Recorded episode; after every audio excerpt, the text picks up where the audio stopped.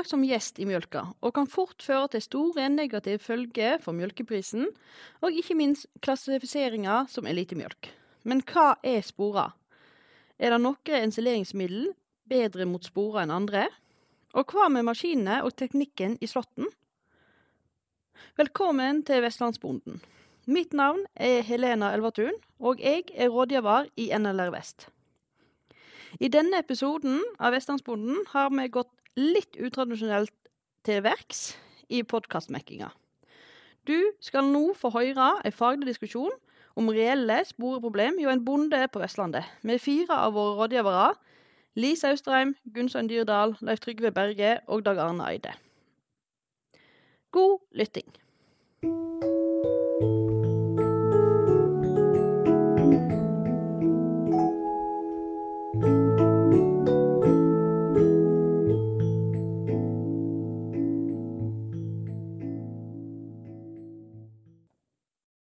Burde innlede litt om hva det her sporegreiene hva det er for noe. Og det er jo spesielt da smørsyrebakteriene, klostridiene og den her, de her basiliene som uh, lager sporer, og som da vi ser igjen noen ganger i fôret. Det ene lever uten luft, anaerobe, og så er det de basilusene med luft. Så det kan jo være forskjellige forhold som gjør at den ene eller den andre dukker opp. Men sporer er jo da en sånn hvilestadie, sånn at når bakteriene føler seg trua på en eller annen måte, så går det over i denne sporeformen, som da kan være veldig motstandsdyktig mot det aller meste. Så det er litt vanskelig når du først har kommet inn i den der runddansen, så har du fått sporer i fòret, så får du sporer i møkka, og så er det i gang.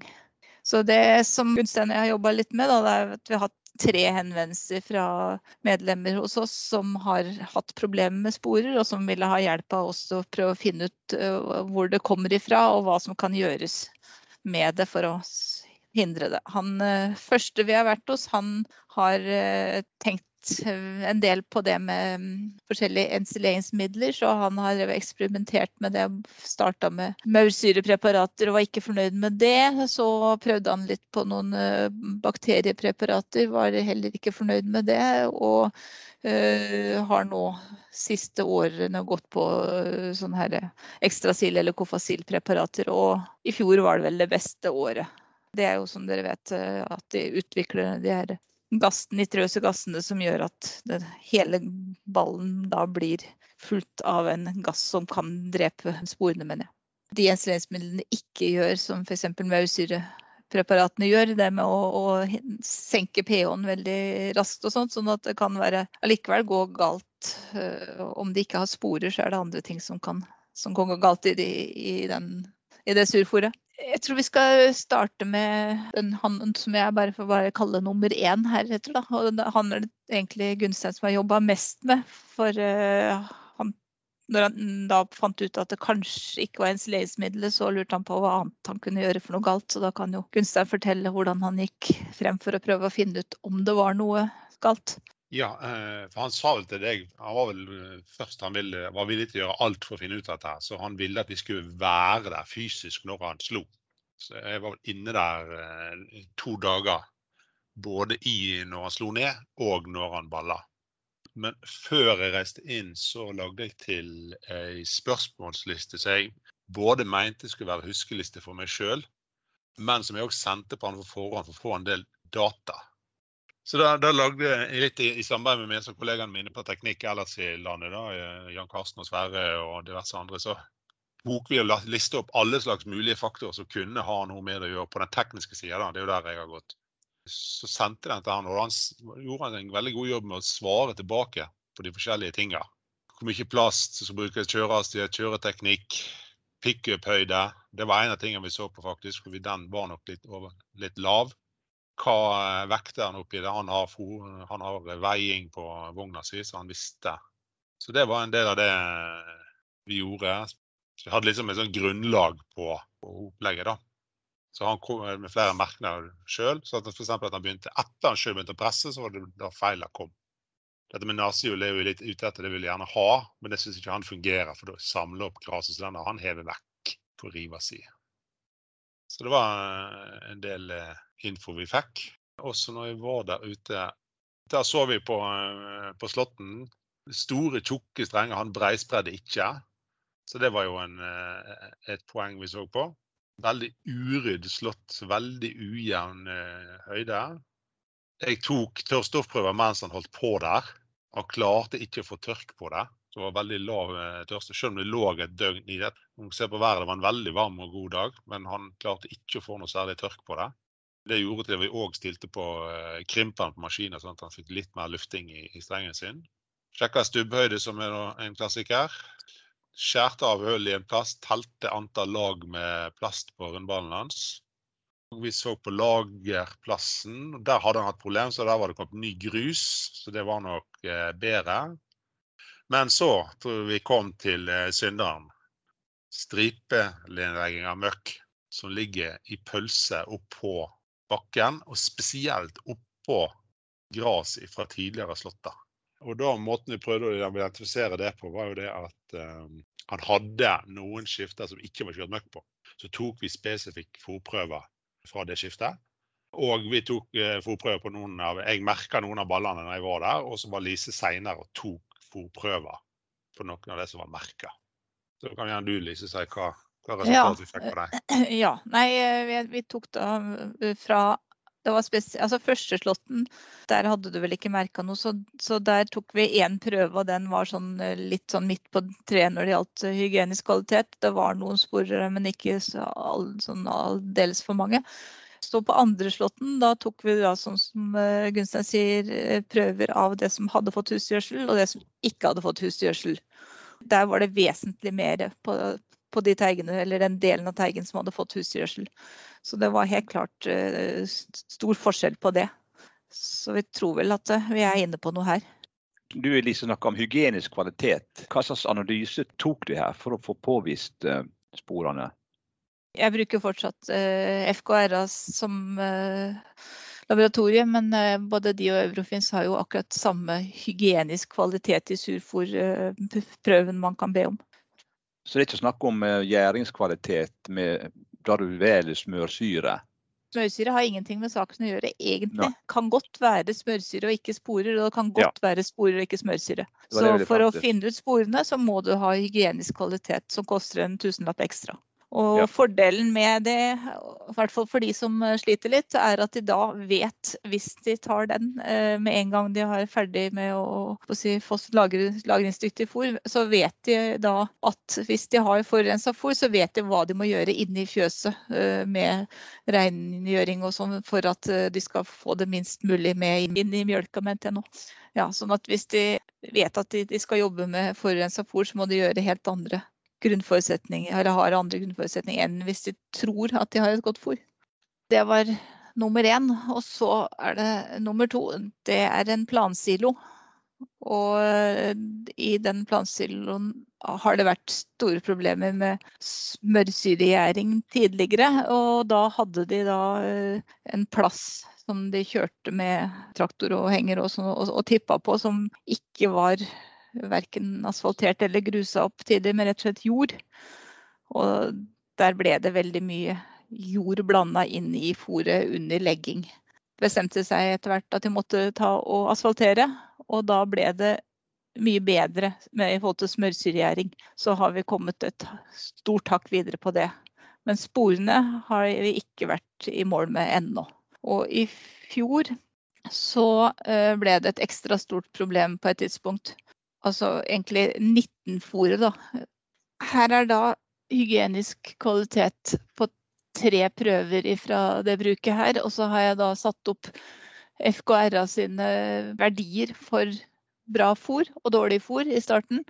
Og så har vi da førsteslått og andreslått. Um, og så har vi da en prøve som uh, der de etter første slått fikk eh, en hel ladning med mask fra Hansa, som de la inn som et lag mellom første og andre slått. Når det kom, så var den masken eh, veldig varm. Eh, sånn at dermed så vil jeg tro at det hadde, var det som var betydning her, med at veldig utvikling av sporer i det laget. Både under og over det, det masklaget, pga. den varmen i den masken. Når de hadde tatt åpna den plansiloen, så kunne vi se masklaget. Og da tok jeg boret mitt og stakk over og under masken. Og sendte det til analyse. Og klarte da De klarte altså ikke å, å finne ut hvor mange smørsyresporer. Det var over én million. Da er parameteren for godt fôr at han skal være under 16. Så da kan dere liksom tenke dere åssen dette fôret var. I førsteslåtten året etter, eller da det her var tatt om sommeren i 20. Og eh, så kom jeg da etter første slått med fjorårets fôr og tok en prøve. Den var på 119 000 på smørsyresporer på første slåtten. Og så kom vi da ned på eh, bare 60 sånne her eh, klonidannende sporer i andre slåtten. Så da, da, begynner det jo altså det begynner å nærme seg. Det skulle helst vært under 16, men det er i hvert fall eh, langt unna 316 som er eh, grensen for eh, dårlig fôr. Sånn at da begynte det å hjelpe. Vi hadde samme gjennomgang egentlig med de.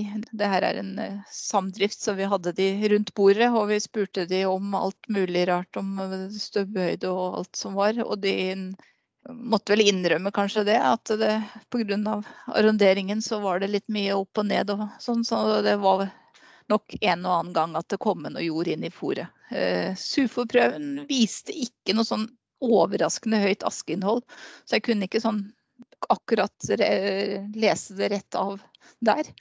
Men eh, når vi gikk ut og så på plansiloen og så på snittet, så så vi brune striper med jord både her og der. Så her er konklusjonen vår egentlig at uh, de sliter med at de får inn jord i fôret. Der hadde vi òg en litt sånn uvanlig uh, info, infokanal, for de har lagt ut mye av slåtten sin på YouTube. Da kunne vi sitte og se før vi var på møte hvordan de slo. Det var jo opp og ned, og så var det både frontmaskin og bakmaskin på den slåmaskinen. Så de skalperte jo topper og kjørte ned i bunnen veldig ofte. Ja, så, så, så, de har da gått i tenkeboksen med å prøve å finne en ja, kjøremønstre må de i hvert fall prøve å jobbe litt med for å slippe den her ja, det, til en eller annen gang så har de jo tatt alle toppene, kanskje, men det er en stor, fortsatt en stund frem til det. Nei, så nå de har hatt også uh, prøvd seg fram litt med, med forskjellige insulinsmidler. De har også i ett år vært innom bakteriepreparater, dessverre. Det var vel det dårligste året. Nå i 2021 så har de bestemt seg for uh, ekstra sil på begge plansiloene. Så får vi se åssen det går. Vi har et håp og ønske om at det kunne hjelpe, men uh, vi fant jo ut at det er den jorda de egentlig må gjøre mest med. Så får vi se. Ja, også, så, også um, innlegging, pakking i plansilo òg var vi jo innom. De gjorde nok en del uh, litt for svakt arbeid der. Poenget å ta med seg uh, videre det er at det er den som jevner og pakker i siloen som bestemmer farten på slåtten. Han skal gjøre seg ferdig, han skal gjøre skikkelig arbeid før det blir lagt nytt lass i plansiloen. Og det blir veldig ofte synder mot. Han flytter seg veldig gjerne med en gang den nye tilhengeren kommer inn. Og så får ikke han jevna tynn nok lag, og han får ikke pakka nok. Hva slags tyngde eller type pakkeutstyr hadde han? Var det bare vanlige traktorer, eller er det noen hjullaster inne i bildet som er tyngre? Eh, nei, de bruker gravemaskin til å jevne med, åtte tonn. Og så bruker de en sånn firsylindra John Deere, men med betonglåd både framme og bak. Så de er nok oppi åtte tonn, eller sju-åtte tonn, så det er nok ikke det verste der. Eh, utfordringen her er nok tida. Og det er òg en faktor her. De har gått fra snitter til lessevogner, to lessevogner. Så de har økt kapasiteten fra en 80 mål til dagen til en 130 mål om dagen. Det gjør på en måte gjør det egentlig enda verre, og dårligere kutting i tillegg. Og så er det noen som tror at gravemaskin er veldig tungt og flott og fint å bruke i, i plansilo. Men en gravemaskin fordeler vekt over så stort areal at det kan eh, bli luftlommer nede som du ikke får med deg. For gravemaskinen detter på en måte ikke nede i de, han går bare over. Så gravemaskin er ikke det sværeste, altså. Så tung, tunge hjul og smale hjul og gjerne høyt lufttrykk. Altså. Og kjøre lenge. I hvert fall en halvtime etter slåtten er ferdig, og gjerne enda lenger. Og så skal den beste mannen sitte på siloen. Det, det ville ikke der de var. for uh, Der er det så bratt at der vil de ha de beste sjåførene ute på, på, på, på jordet. Men ellers er det den beste, og mest erfarne mannen skal sitte på siloen. Ja, det var de to første. Og så er vi i gang med nummer tre. Det er også rundballer. Der eh, har vi ikke kommet i mål ennå. vi har vært der og snakka med dem og spurt dem om alle mulige av de her spørsmålene våre. Og ble vel litt overraska over at de sa at de hadde eh, rundballevekter på rundt 750 kilo med den her biopressa. Så da lurte vi litt på om det var hardt nok pressa. Så der er det i hvert fall én ting vi skal sjekke litt opp i. Og så var vi der akkurat rett etter at de hadde kjørt husdyrgjødsel om våren. Og da så vi jo egentlig de pølsene litt hos de også. Så der også er, lurer vi litt på han som er mest engasjert i den samdriften, han har tatt voldsomt mange hygieniske analyser og satt det opp mot hverandre og sammenligna og prøvd å finne en forklaring i hygienisk kvalitet, og det, det ser vi ikke. At det er en sånn rød tråd der.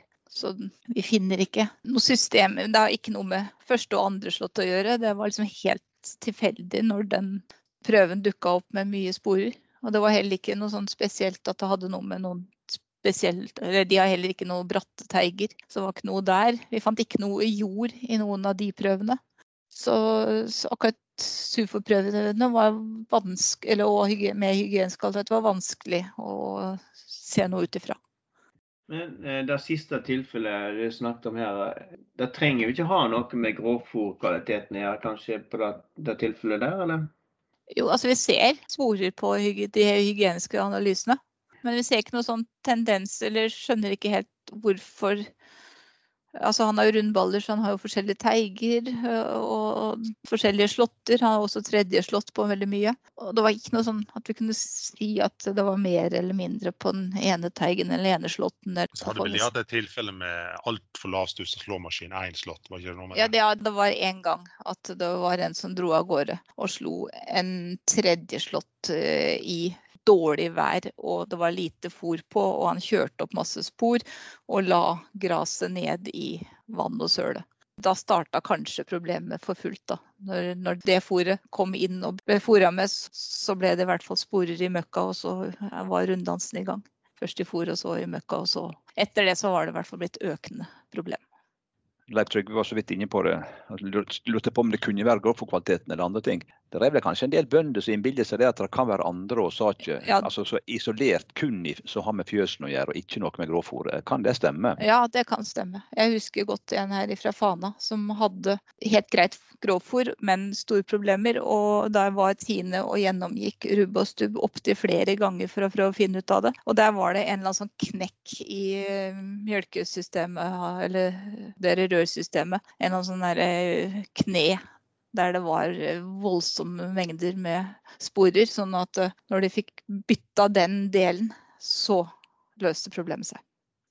Men eh, samtidig er det jo en voldsomt stor fare for det inn med beitedyr og sånt, når de går inn og ut med jord og på spener og sånt. For ikke gjerne vaske godt nok. Det er jo ja. flere plasser kan komme inn ifra. Ja da, og da, da ser vi jo ikke på noen hygienisk analyse av fôret hvis det er på beiting det skjer.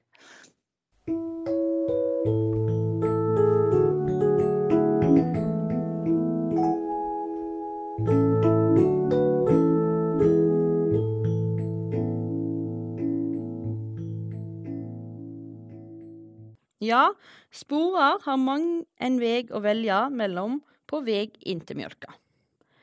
Kanskje gjennom denne podkasten har vi blitt mer oppmerksomme på flere av disse. Og hvis du er usikker om du har sporer i suforet ditt, er det veldig lurt å ta en sufoprøve. Dette her er en av tjenestene vi i NLR Vest tilbyr men du kan selvsagt òg bruke andre tjenester. Men bruker du oss, så har vi muligheten til å gi deg tilbakemelding via SUFO-tolken, som er et veldig fint verktøy til å tolke SUFO-analyser med. Du har nå hørt på en podkast fra NLR Vest. Besøk oss gjerne på vestnlr.no for mer aktuell fagstoff om sporer og det meste du kan tenke deg innen landbruk. Her finner du også kontaktinformasjonen til din nærmeste rådgiver. På gjensyn, og takk for at du lytta på.